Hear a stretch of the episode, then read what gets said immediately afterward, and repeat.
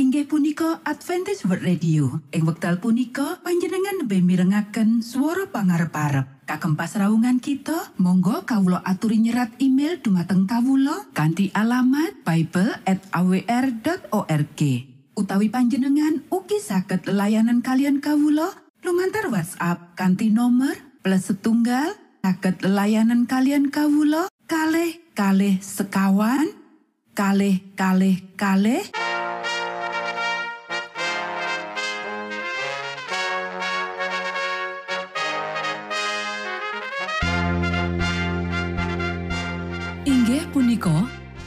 Adventist World Radio ingkang giaran kanti basa Jawi. Tentrem Rahayu kula aturaken kagem para mitra kinasih ing pundi papan lan panggonan. Sugeng pepanggian malih kalian Adventist World Radio. Kanti bingahing manah Kulo badi sesarengan kalian poro mitra kinasi. Lumantar saperangan adicara ingkang sampun rinonci. Mligi kagem panjenengan sami. Mugi giaran punika saged migunani tuwin dados berkah kagem kita sedoyo. Sugeng midhangetaken Gusti amberkahi.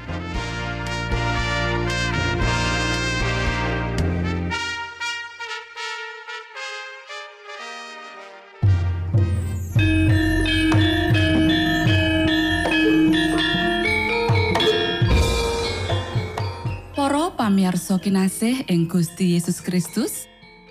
Ing wekdal punika, kita badi sesarengan ing adicara ruang kesehatan ingkang saestu migunani kagem panjenengan saha kita sami. Tips utawi pitedah ingkang dipun aturaken ing program punika tetales dawuhipun Gusti ingkang dipunnyatakaken ing kitab suci. Semanten ugi sakehing seratan ingkang dipun wangsitaken dening Gusti Allah. Nanging saderengipun, monggo kita sami midhangetaken kidung pujian.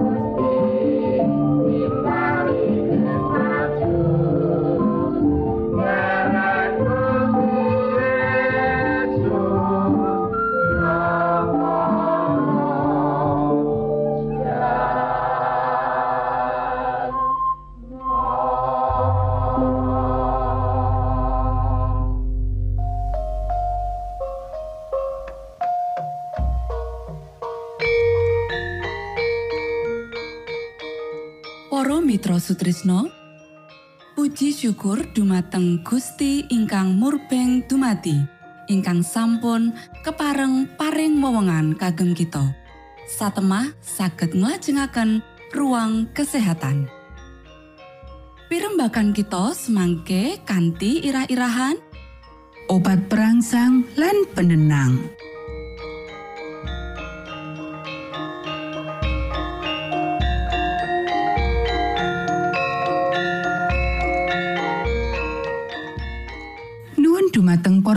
Para pamiarsa ingkang dahat kinormatan, sugeng pepanggihan malih kalian kula Isti Kurnaidi ing adicara ruang kesehatan.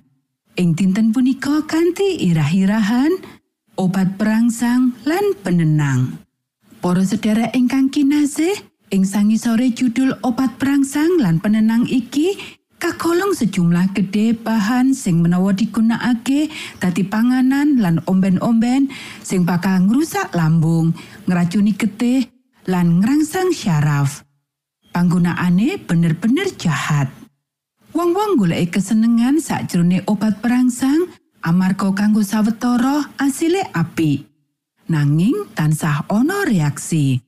Penggunaane obat perangsang sing ora alami tansah condong nimbulake ekses yaiku mujudake sawijining bahan aktif sakjroning nyurung kerusakan lan keleburan awak. Kang kapisan kita bakal nyinau bumbu masak. Para sederek ing jaman sing sarwa cepet iki, panganan sing kurang merangsang yaiku luwih apik. Bumbu-bumbu masak asipat bebayani. Mustard, mrica, empon-empon, acar, lan liya-liyane sejenise. Kabeh iku ngganggu lambung lan gawe getih dadi panas lan ora resik. Kahanan lambung pemabuk sing meradang asring didadekake gambaran saka efek omben-omben sing ngandut alkohol. Kahanan meradang sing padha disebabake dening penggunaane bumbu sing rusak. Ora suwe maneh, panganan sing biasa ora meneh marmake selera. Awak ngrasakake kekurangan sawijining pepinginan marang sawijining sing luwih ngrangsang. Kang kapindo, teh lan kopi. Teh tumindak dadi perangsang lan nganti wates tartamtu nimbulake keracunan. Akibat saka kopi lan akeh meneh omben-omben populer liyane padha wae. Efeke sing sepisanan yaiku menehi pangrasa seger. Syaraf-syaraf lambung karangsang iki nyebabake iritasi ing otak. Lan ing kilirane otak karangsang kanggo menehi kegiatan sing ningkat ing jantung lan tenaga cadangan saknalika ing kabeh awak. Rasa kesel kalalekake, kekuatan katone nambah. Kecerdasan digerakake, imajinasi dadi luwih padang. Amarga pengaruh-pengaruh iki, akeh sing ngira menawa teh lan kopi iku sing ngasilake kapecikan sing gedhe kanggo dheweke. Nanging iki sawijining kekeliruan. Teh lan kopi ora menehi zat panganan ing awak. Pengaruhe wis ana sadurunge sempat dumati pancernaan lan penyerapan. Lan opo sing katone kaya kekuatan, sak benere mung rangsangan syaraf. Sakwise ilang pengaruh rangsangan iku, tenaga sing ora alami iku ilang lan akibate ya iku kelesuan lan keringkihan nganti tataran tertentu. Penggunaan terus-terusan saka bahan-bahan perangsang syaraf iki diiloni karo mumet, ora bisa turu, jantung deg-degan, gangguan pencernaan, gemeter, lan akeh kangilan liyane. Amarga bahan iku ngentekake toyo urip. Syaraf sing letih merlokake ngaso lan ketenangan, gantine rangsangan lan kerja lembur. Alam merlokake wektu kanggo mulihake tenagane sing kekuras. Menawa tenagane iku dipeksa kanthi nggunakake bahan-bahan perangsang, kanggo sawetara keluwihan tenaga iku dientokake. Nanging merga awak wis ringkeh akibat terus dinggo, mula suwe-suwe saya angel kanggo mbangkitake tenaga ing wates sing diperlokake. Tuntutan marang bahan perangsang dadi saya angel dikendaleni. Nganti kekarepan diringkehake lan ora bisa meneh nolak pepinginan sing ora wajar iku. Saya kuat bahan-bahan perangsang iku dituntut nganti awak sing wis letih ora bisa meneh nanggapi. Matur nuwun Gusti amberkahi.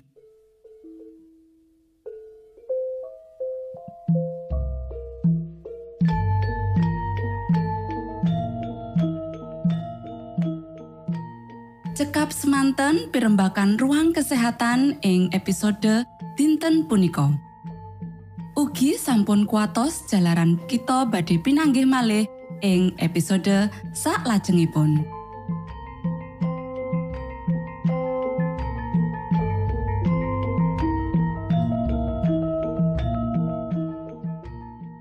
Inggih punika adicara ruang kesehatan. Menawi panjenengan gadah pitakenan utawi ngerseakan katerangan ingkang langkung, monggo kulo aturi. Kinton email dateng alamat ejcawr@ gmail.com utawi lumantar WhatsApp kanti nomor 025 pitu 00 songo songo papat 00 pitu.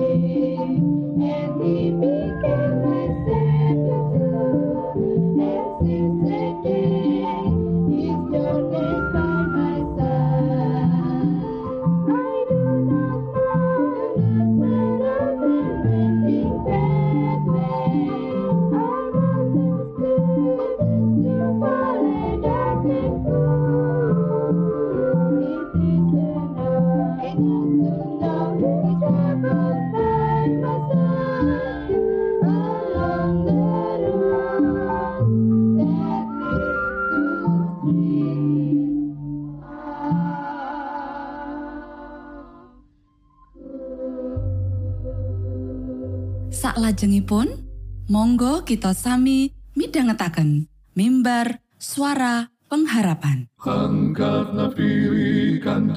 pawarto Sang Kristus paderamu Pro umat samyo puji asmanyo Sang Kristus paderamu Inggih punika mimbar suara pengharapan. Ing episode punika kanthi irah-irahan. Caos kanthi sukolilo sugeng minangka tondo Sang Kristus paderamu Ilmu kawero tambah tambah Sang Kristus paderamu Paderamu Paderamu Sang Kristus paderamu Shalom para pamiarsa ingkang kinasih wonten ing Gusti. Sak menika kita pada mitangetaken renungan Sabto pangantikanipun Gusti. Ing dinten punika kanthi irah-irahan Chaos kanthi sukolilo Para sedherek ingkang kinasih wonten ing Gusti Sabto pangantikanipun Gusti ing kitab kalih Korinta pasal songo ayat pitu inggih menika Saben wong pawewehe dikaya kang dadi rilaning atine. Aja kanthi sedih utawa marga kapeksa. Awit Gusti Allah iku ngasihi wong kang pawewehe kanthi sukarila. Para sedherek ingkang kinasih, sedaya bisungsung kita ketah dipun aturaken kanthi sukalila. Amargi menika saking arta ingkang Gusti sampun anggep pantes dipun panggenaken ing tangan kita kagem maksud majengaken pakaryanipun Gusti Allah ing jagat. Supados kendera kaleresan dipun umbulaken wonten ing margi-margi ageng lan alit ing jagat. Menawi sedaya ingkang ngakeni kaleresan purun nyaosaken kagunganipun Gusti piyambak saklebetipun prasetasan lan pisungsung, pramila badhe wonten dedaharan wonten ing pitalemanipun Gusti. Perkawis kasaenan boten malih kumantung dumateng cecaosan-cecaosan ingkang asalipun saking adrenging manah tertentu lan ewah kingsir miturut pangraosipun manungsa ingkang ewah kingsir. Wewenangipun Gusti Allah badhe dipun tampi sae lan perkawisipun badhe dipun anggep pantes nampi bagian saking arta ingkang sampun dipun pitadosaken dumateng kita. Para sedherek ingkang kinasih, Gusti menika juru potang ilahi kita. Lan panjenenganipun sampun damel prasetyo lumantar Nabi Maleaki ingkang sanget prasaja, positif lan wigatos. Nyaosaken kagunganipun Gusti Allah utawi boten, mujudaken setunggal lampah ingkang sanget wigatos kagem kita. Panjenenganipun paring itipalilah juru kuncinipun ginakaken wilangan tertamtu lan nalika piyambak-piyambakipun ginakaken kagunganipun menika pramila panjenenganipun berkahi bondo menika ing astanipun setunggal setunggalipun rancangan ingkang miturut Injil sanes kagem ngrimat petamelanipun Gusti Allah inggih menika rancangan ingkang dipun tindakaken kagem pakurmatanipun manungsa kewala. Boten kagem petamelanipun. Para sedherek ingkang kinasih tiang-tiang ingkang dados penampi se palinirmanipun ingkang menggalihaken palang kalvari boten badhe mitangletaken ngengingi bagian ingkang badhe dipun caosaken namung badhe rumaos pilih senatian cecaosan paling ageng sedaya menika badhe karaos sekalangkung alit sedaya boten timbang kalian peparing palinirmo paling ageng saking putra tunggal Allah lumantar nyingkur diri tiang-tiang paling sekeng manggihaken margi-margi mangge perkawis kagem dipun caosaken kondur dumateng Gusti Allah. Para sedherek ingkang kinasih, tiang sugih sampun rumaos bilih piyambakipun pareng rumaos marem kanthi namung nyaosaken artanipun. Tiang-tiang sepuh lan para putra sampun nganggep dirinipun menika kadahanipun piyambak. lan rumaos bilih piyambakipun saged ngginakaken wekdal lan kagunganipun sak sekecanipun piyambak. Piyambakipun menika bondo kagunganipun Gusti Allah ingkang sampun dipun pundhut. Lan Gusti betahaken kegiatan badanipun ingkang kedah dipun ginakaken kagem ngasilaken samukawis kagem kahartanipun Gusti. Para sedherek ingkang kinasih, menapa saben jiwa nganggep kasunyatan bilih pemuritan Kristen menika kalebet nyingkur diri, ngurbanaken diri, keporo nyaosaken gesang menika piyambak menawi wigatos kagem panjenenganipun ingkang sampun maringaken nyawanipun kagem pagesangan jagat. Monggo kita sami ndedonga. Duh Rama kawula ingkang wonten ing swarga, asma patuko mugi kasucikaken. Kraton patuko mugi rawuh. Karso patuko mugi kalampahan wonten ing bumi kados dene wonten ing swarga. Kawula mugi kaparingan rejeki kawula sak cekapipun ing dinten punika. Saha patuko mugi ngapunten kalepatan kawula kados dene kawula inggih ngapunteni tetiang ingkang kalepatan dhateng kawula. Punapa dene kawula mugi sampun ngantos katantukaken dhateng ing panggoda nanging mugi sami patuko walaken saking piawon. Awit dene patuko ingkang kagungan kraton saha wisesa tuwin kamulyan salami laminipun. Amin.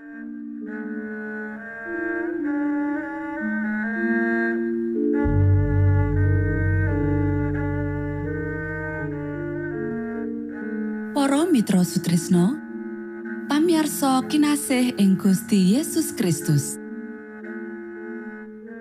Sampun paripurno pasamuan kita ing dinten punika.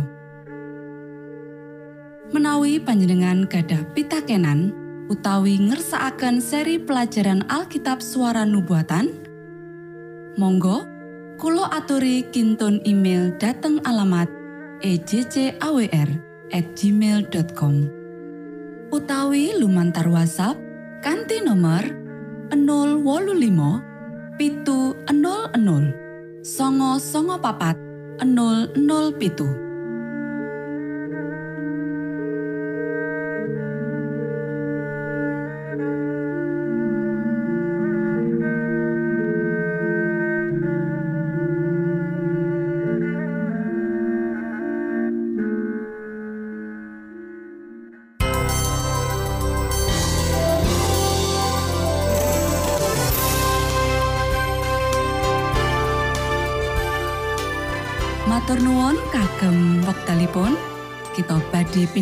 malih ing gelombang ugi wekdal ingkang sami.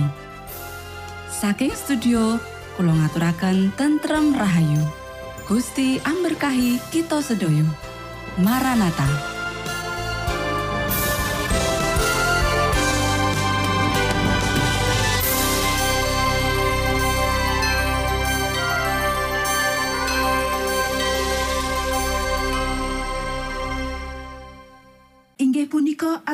World Radio. Ing wekdal punika panjenengan lebih mirengaken swara pangarep-arep. Kagem pasraungan kita, monggo kawula aturi nyerat email dumateng kawula kanthi alamat bible@awr.org. Utawi panjenengan ugi saged layanan kalian kawula lumantar WhatsApp kanthi nomor plus setunggal saged layanan kalian kawula kalih kalih sekawan kalih kalih kalih